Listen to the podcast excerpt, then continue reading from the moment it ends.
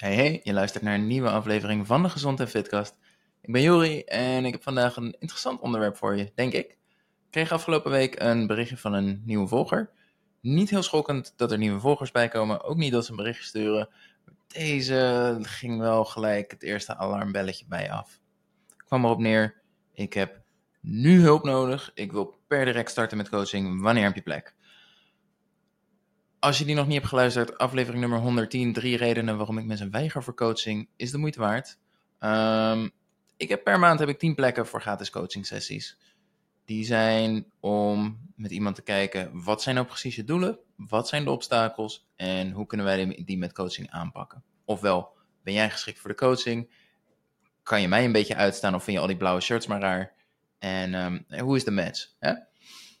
Niet voor Goh, um, wie ben jij eigenlijk? Uh, wat doe je eigenlijk precies? Hoe werkt je coaching? Um, is het, kan dat met mijn doelen? Ik wil afvallen of zo. En weet je, dat is niet handig. Daar is de podcast voor. Daar is mijn Instagram content voor. Fitmail voor. Zodat jij een beeld hebt van wat doe ik nou precies? Hoe ga ik te werk? En heb ik daar een beetje een klik mee? Spreek mij dat aan. Als jij de verwachting hebt, ik krijg een eetschema en dat volg ik gewoon braaf en dan zijn al mijn problemen opgelost ben ik niet de juiste. Als jij denkt, hey, verdorie, ik maak iedere keer precies dezelfde fouten, het zijn iedere keer dezelfde patronen, daar wil ik eens met iemand de diepte induiken en uitzoeken hoe dat nou echt zit. hey, prima. Maar goed, alarmbel nummer 1, nog geen reden voor paniek. Dus vooruit. Ik doe mijn research. Um, ik uh, klikte de profiel aan, keek door de stories. Daar ging voor mij alarmbel nummer 2 wel eigenlijk af daar werd het heel erg duidelijk dat ze uh, erg emotioneel was en had besloten er moet nu iets veranderen per direct. Heeft er iemand tips? Uh, wie raad je aan? Nou, blijkbaar is mijn naam daar genoemd. En um, alarmbel nummer twee. Goed, kan gebeuren. Misschien komt het nog steeds helemaal goed. Ik gaf aan, ik heb twee weken wachttijd. Dan kunnen we een gratis sessie inplannen. Nou, dat is geen probleem.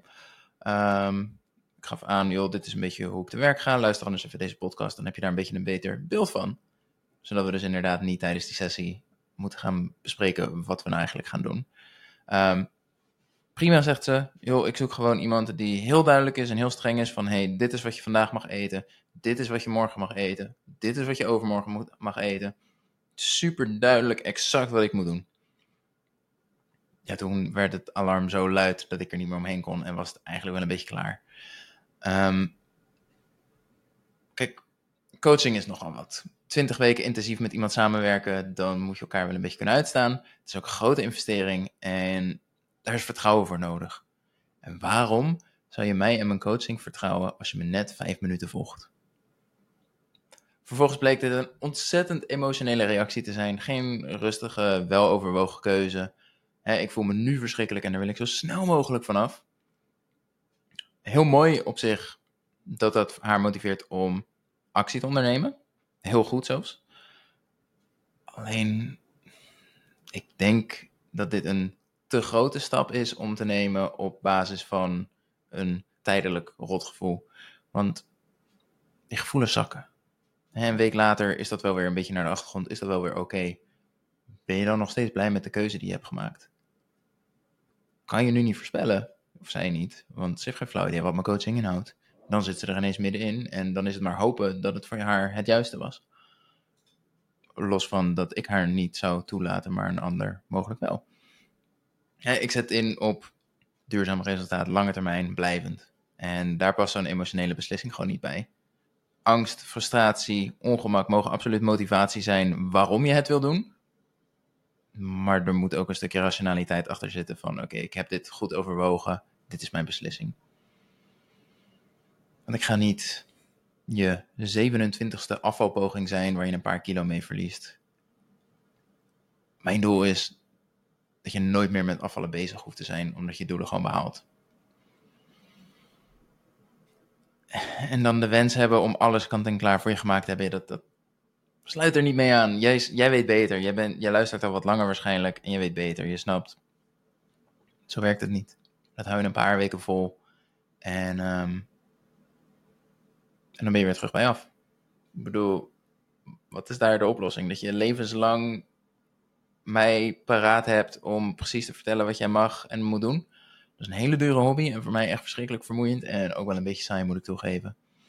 Dus op dit moment, nee, ben ik niet wat zij nodig heeft, maar hopelijk komt ze tot rust, duikt ze op haar gemak mijn content in, luistert lekker de podcast en komt ze over drie maanden bij me terug met een goed doordachte beslissing om toch in ieder geval een gratis coaching sessie te hebben en eventueel met coaching te starten. En zo niet, ja, als ze pech heeft, heeft ze wel iemand gevonden die haar wens vervult. En ehm, alles kant en klaar voor haar neerzet. En daarmee exact dit patroon in stand houdt. Ik hoop het niet. Ik hoop daar uh, binnenkort alsnog te spreken.